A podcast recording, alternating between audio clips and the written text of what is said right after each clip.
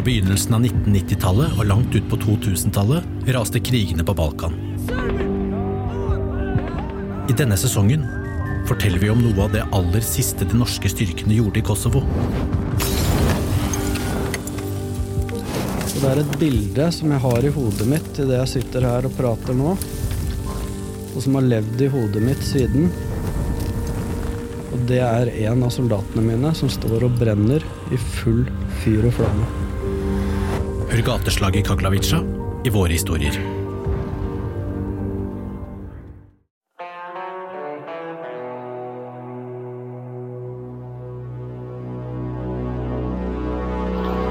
Hva er det som skal til for å bli marinejeger? Hva slags mennesker er det som blir våre beste soldater? Og hva er det som kreves av dem? Jeg er også veldig nysgjerrig på hva en erfaren marinejeger kan lære oss andre soldater i Forsvaret. Og hvordan er det å gå fra å være en ung, aktiv marinejeger til å bli en voksen mann i en ikke-operativ jobb med familie og helt vanlige hverdager? I serien Klar til strid skal vi snakke om soldatlivet og soldatfaget med soldatene selv. Jeg heter Rune Wenneberg og har vært soldat i 33 år. I dag har jeg besøk av Mario, som er en av våre mest erfarne marinejegere. Da han var 23, ble han tatt opp i Marinejegerkommandoen etter å ha tjenestegjort tre år i Hæren. Å være marinejeger er noe av det mest krevende du kan gjøre i Forsvaret. Og Marinejegerkommandoen er en del av våre spesialstyrker. Han har deployert flere ganger til Afghanistan, både i Operation Enduring Freedom, Resolute Support og i tillegg har han deltatt på antipiratoperasjonen Atalanta i Adenbukten. I 2018 gikk han ut av de aktive kampskvadronene til treningsskvadronen, men er i dag en del av staben i Marinekommandoen. Mario, vi skal nå snakke om hele din karriere og de erfaringene du har gjort underveis. Men først, la oss starte på begynnelsen. Det å bli marinejeger er jo ikke noe for alle. Eh, det nåløyet dere går gjennom, er jo veldig lite. Og jeg vil gjerne vite hvem er den unge mannen som, som starter på denne reisen? Hvem var du? Jeg er fra Toten.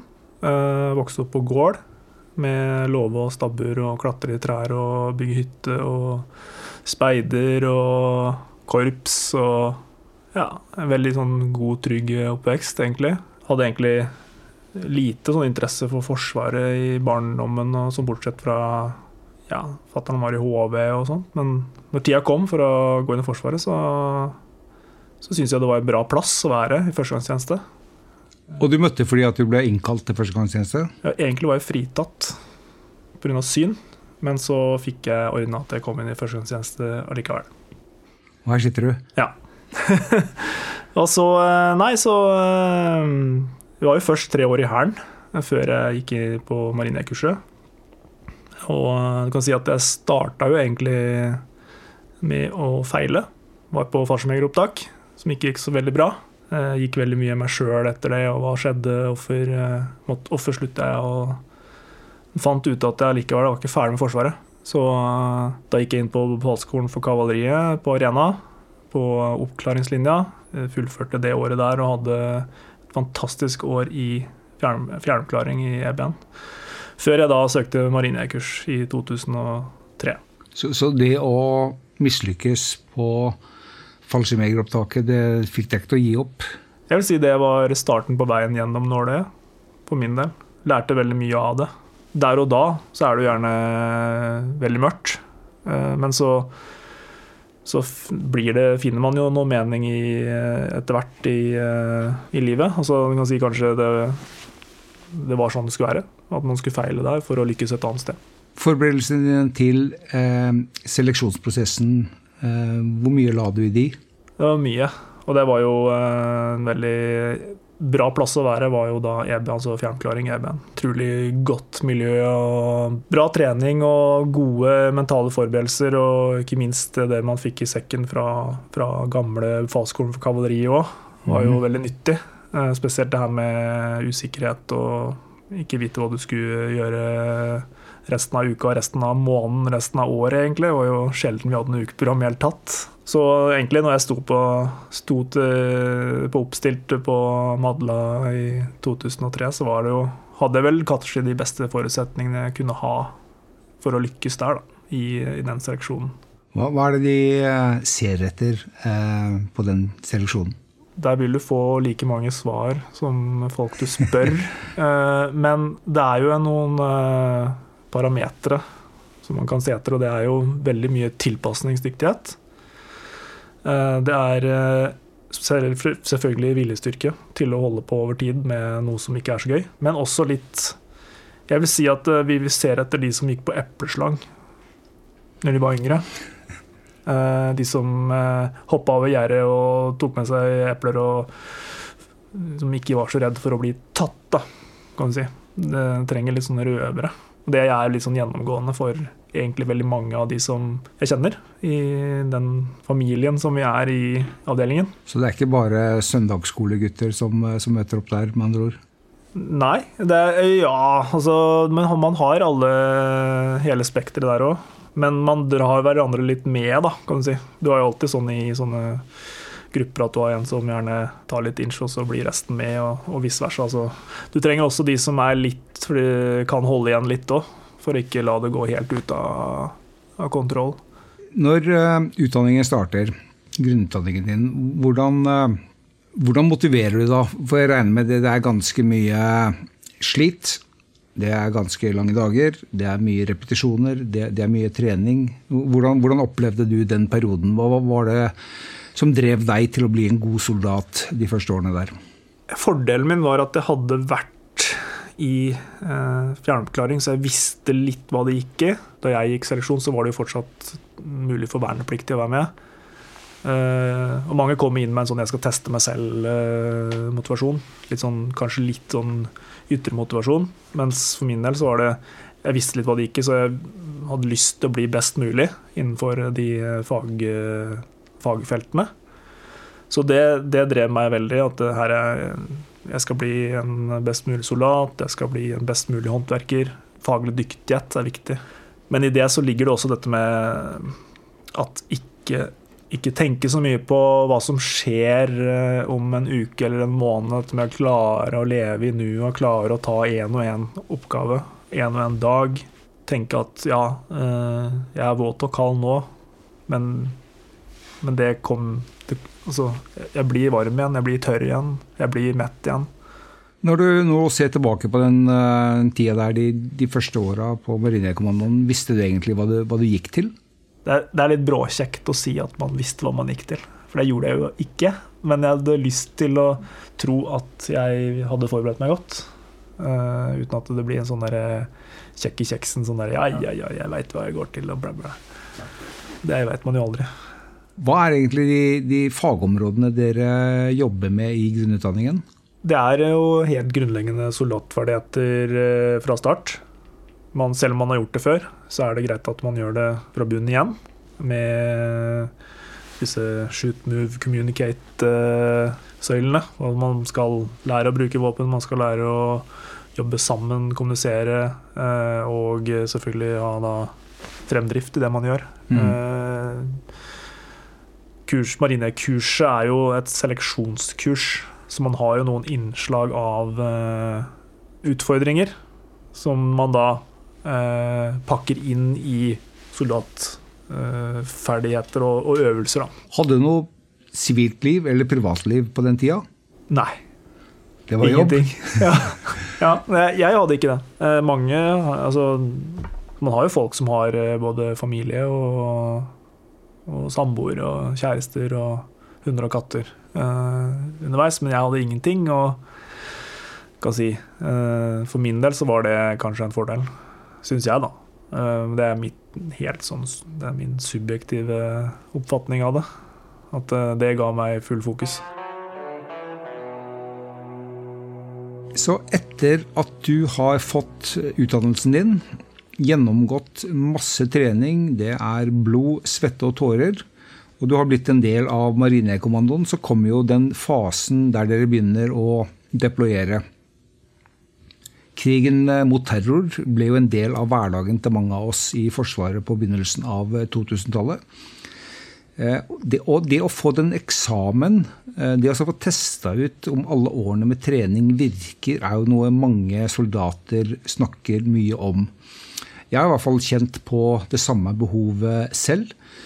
Eh, kan vi snakke litt om den delen av karrieren din, og spesielt var det viktig for deg å få skarpe oppdrag, og, og hva gjorde det med deg? Jeg husker det veldig godt eh, 11.9.2001. Da gikk jeg på befalsskolen. Og vi sto faktisk i TV-stua og så flyene gikk i, i World Trade Center. Og jeg tror alle oss tenkte at nå blir det aldri det samme igjen. Dette er ikke lek lenger. Og selvfølgelig det tar man jo med seg da inn i resten av tjenesten, og jeg tok med meg det inn i, i Jeg gikk inn i MJK. og du kan si jeg var såpass heldig at eh, noe av det første som skjedde etter jeg ble overført til operativ skvadron, var at vi fikk eh, deployeringsordre til eh, Operation During Freedom eh, i Afghanistan. Mange kjente litt på den med at er vi egentlig klare for dette? Mm. Så vet man at man, eh, man er i et team, og det er teamet som skal løse oppgaven. Samtidig som man har gjort det man kan for å bli en best mulig eh, enkeltmann og operatør. Eh, og så syns jeg at gjorde, det ble gjort en veldig god jobb for å gjøre oss klar. Så når vi reiste ut, så var det ganske Det er eh, dette med å være Altså, vi hadde jo Vi var veldig mye ute over lang tid i områder uten altfor mye hjelpemidler. Eh, altså Luftsituasjonen var en helt annen, ISR-situasjonen var en helt annen. Eh, så vi var jo veldig mye på egen hånd. Eh, og da får man en sånn eh, det å, det å, være såpass eh, lange perioder i en sånn fog of war-situasjon, det gjør jo noe med en. Og ikke minst når man da også underveis kommer i, i trefninger som gjør at man må bruke håndverket. Man må faktisk fungere som eh, soldat og og patruljemedlem. Jeg vil si at siste perioden, eh, eller også når man kommer hjem, så har man en helt annen trygghet, syns jeg, da. Mm. Jo, for det blir ikke det samme når man er hjemme etterpå. Iallfall ble ikke det for oss. Litt annerledes med de siste seks årene, for da er det på en måte en arbeidsplass der nede i tillegg til arbeidsplassen hjemme. Men når vi reiste ut, så reiste jo hele avdelingen. Det var jo TG-en reiste ut. Satte seg opp det eneste som var igjen i Norge, var jo sånn to stykker som gikk skift på en sånn telefonvakt. Når du har reist ut, det, opplever du det slik at du har noe å bevise overfor deg selv eh, og eller avdelingen din? MØK er jo et prestasjonsmiljø, så det vil jo alltid være en, sånn, en drive som ligger der, som man blir med på. Man blir tatt med.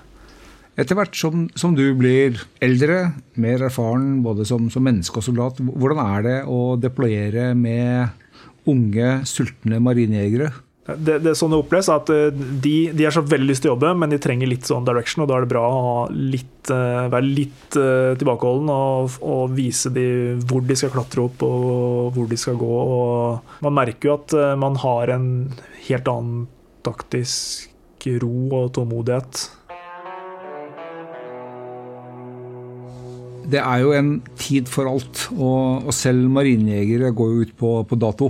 Og du i 2018 eh, bytta jo da funksjon. I dag er du en del av staben i Marinejegerkommandoen. Eh, jobben din er jo ikke lenger å bli en best mulig soldat. Det er jo ikke deg de ringer når bjella går og bagen skal pakkes. Jeg savner jo den delen av soldatlivet hver dag. Eh, gjør du? Hver dag. Det, det, tror jeg er uh, veldig det er, det, det, det er, likt for alle. Det er litt det med om man kan ta hesten ut av sirkuset, man kan ikke ta sirkus ut av hesten. Uh, man vil alltid savne sagmuggen, uh, samtidig som at uh, Innser jo at jeg vil jo nok kanskje vært en hindring mer enn, en, mer enn til nytte egentlig nå, så jeg må, må innse at liksom, nå må de få lov til å gjøre det. Og så kan jeg heller fokusere på å gjøre de best mulig i stand til å gjøre den jobben. Fra på en måte håndverket på enkeltmannsnivå og også over på liksom, det å gjøre MJK best mulig i stand til å løse oppdrag. Er det viktig og riktig at med den håndverkerbakgrunnen du har, eh, for å kunne lykkes i jobben du sitter nå? Det er helt avgjørende. Og jeg kjenner veldig på det med at når man har akkumulert kompetanse og kunnskap over 20 år, så blir man flink til noe. Altså, man kommer ikke unna å faktisk bli øh, flink. Er, det det som gir deg driv og motivasjon i hverdagen i dag? Ja, det vil jeg si. Eh, Det å vite at man eh, er med og ut, skaper bevegelse og skaper utvikling, det gir meg veldig mye. Mario, vi, vi har jo begge vært gjennom det taktskiftet der vi har satt eh, børsa i, i skapet, og den tas, kun, tas frem kun en gang iblant når vi skal ha en tur på, på skytebanen og mimres gamle dager. Hva er det egentlig du har tatt med deg fra den operative perioden som du nå bruker i den nye soldathverdagen din? Jeg vil si det er å ha en, eh, et, en god balanse mellom bredde og dybde. Man har vært gjennom jula, gått rundt et par ganger, så man har sett på en måte, hele spekteret av hva vi holder på med. Samtidig som man har hatt tid til å gå ned i dybden på en del ting. Så man har sånt, en helhetsoversikt. Vil Helhetsoversikten er noe av det viktigste man har med seg etter, eh, etter x antall år. Men eh, fremover da, Mario. Du, du ser jo fortsatt eh, godt ut. Eh, hva, hva tenker du om, om, eh, om jobben din fremover? Kommer du til å bli soldat til du er 60? Eh, Jeg har det veldig bra akkurat nå i det jeg gjør. Jeg syns det er kjempenyttig. Eh, Har mening i Føler at det er veldig mye mening i det. For meg så er det ikke nødvendigvis så viktig eh, å ha en sånn langtidsplan med hva jeg skal gjøre. Jeg, jeg syns jo vi har altfor stor grad av karrierejag, og man må opp i grad og opp i stab. Man altså vi, vi, fjerner kompetente folk fra den spisse enden der risikoen er størst. Hvordan, hvordan ser du på det? Nå blir det jo litt forskjell på OR-OF-siden. Jeg ser jo at på OF-siden så er det jo et kjempekjør på dette med karriere og kort, eh, kort stå til de forskjellige stillinger og sånt, men jeg tror på OR-siden så må man eh, greie å ha eh, roen til å fungere over tid i det man gjør, for å bygge den der eh, stein på stein, eh, bli eh, håndverker. For min del da, så er det viktig det med å ha trivsel og føle at det man gjør er nyttig. Og at, det, at- at jeg, jeg vil være Jeg har ikke lyst til å komme et punkt, til et punkt hvor jeg kjenner at her er jeg avkledd, her kan jeg ikke nok. eh, Her er jeg inkompetent. Du holder deg på de, de, de jobbene du er trygge på du kommer til å lykkes på? Ja, altså det, det er jo på en måte litt sånn symptomatisk for noen hierarkier at man gjerne blir pressa for fort opp Ja. til det punkt hvor man er inkompetent. Så iallfall for min del så er det viktig at jeg, at jeg føler at jeg har kontroll på det jeg gjør, og at, jeg, at det da har mest effekt. da. Vi er jo opptatt av å beholde folk lengst mulig i, i den spisse enden, eh, sånn at håndverkerne skal kunne virke i flere år. Det systemet holder vi jo på å utvikle nå. Hvordan er det i Marinekommandoen? Er det mulig å ha en god horisontal karriere som, som håndverker? Det ligger jo litt i, eh, i kulturen vår, egentlig. Altså, vi har alltid vært fokusert på, på det taktiske nivået. At det er eh, der du trenger de beste håndverkerne, og at de må få tid til å bli gode håndverkere. Jeg og mange andre soldater har jo i karrierene våre hatt perioder der vi har vært i tvil om, om dette er veien å gå. Eh, For min del har det vært perioder der work-life-balansen har vært krevende. Eh, Vanskelig å få familielivet til å gå opp. Det har vært perioder for meg der jeg har vært uenig med innrettingen av eh, Forsvaret, som har fått meg til å tvile. Men jeg sitter nå her fortsatt. Eh, Hvordan har det vært for deg? Har, det vært gung-ho og motivasjon hele veien gjennom over 20 år? Nei, det har det ikke. Og det er jo, man kommer jo en del av livet sånn som for oss som er gjerne litt sånn bakvendt, for vi bruker jo 20-årene på Iallfall jeg brukte 20-årene på å måte, faget, og så kommer man plutselig på et punkt i livet hvor du ser de andre som venner og kjente begynner å bli mer etablert, og så kjenner man litt på at eh, man eh, blir litt i tvil om man holder på med det riktige. Eh, Og for min del så var det ganske tydelig, egentlig. og at jeg måtte få litt mer perspektiv. Men jeg valgte da heller å ta et sivilt studie, som jeg hadde hatt tre år som sivil. eh, som jeg syns var veldig nyttig. Visste du når du dro ut at du skulle tilbake? Ja, altså jeg hadde, hadde døren åpen. Jeg hadde ikke bestemt meg. Det skal sies at draget fra Altså, man blir jo dratt litt inn igjen. også, av de som fortsatt er der inne. Så man blir liksom Hadde et lite press? Ja, man slipper liksom Man kommer aldri helt av det her eh, båndet. Vi har jo et, et, ønske om at folk skal kunne hoppe av eh, soldatlivet noen år. Enten få seg litt eh, andre jobberfaring, en sivil utdanning, og, og, kunne hoppe tilbake igjen. Og, og, vi tror jo at for mange så vil det gi oss i Forsvaret merverdi, og, og da skjønner jeg at du, du er enig i det? Jeg vil også si at det gir samfunnet merverdi.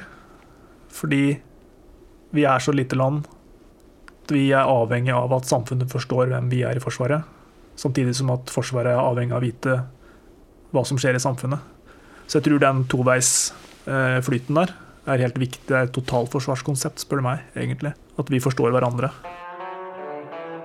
Avslutningsvis, hvilke råd har du til unge soldater som ønsker å bli gode? Det vil jeg si at uh, man skal ikke, altså, skynde seg litt langsomt. Altså ta seg tid til å bli dyktig. Uh, og ikke være redd for å feile, da.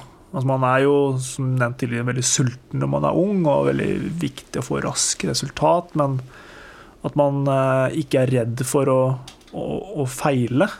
At man tar det som en, en lærdom i stedet for en, et nederlag. At man tar med seg det inn faktisk i det å bli en bedre håndverker og en bedre utøver og operatør. Og det med fokus på detaljer. Dette med å faktisk være klar til strid. Eh, selv om det er kjedelig, kan være kjedelig å gjøre det gang på gang, så er det det, man, det som redder en, egentlig. Og det har jeg opplevd selv, at det er KTS-en som har redda meg i Intops.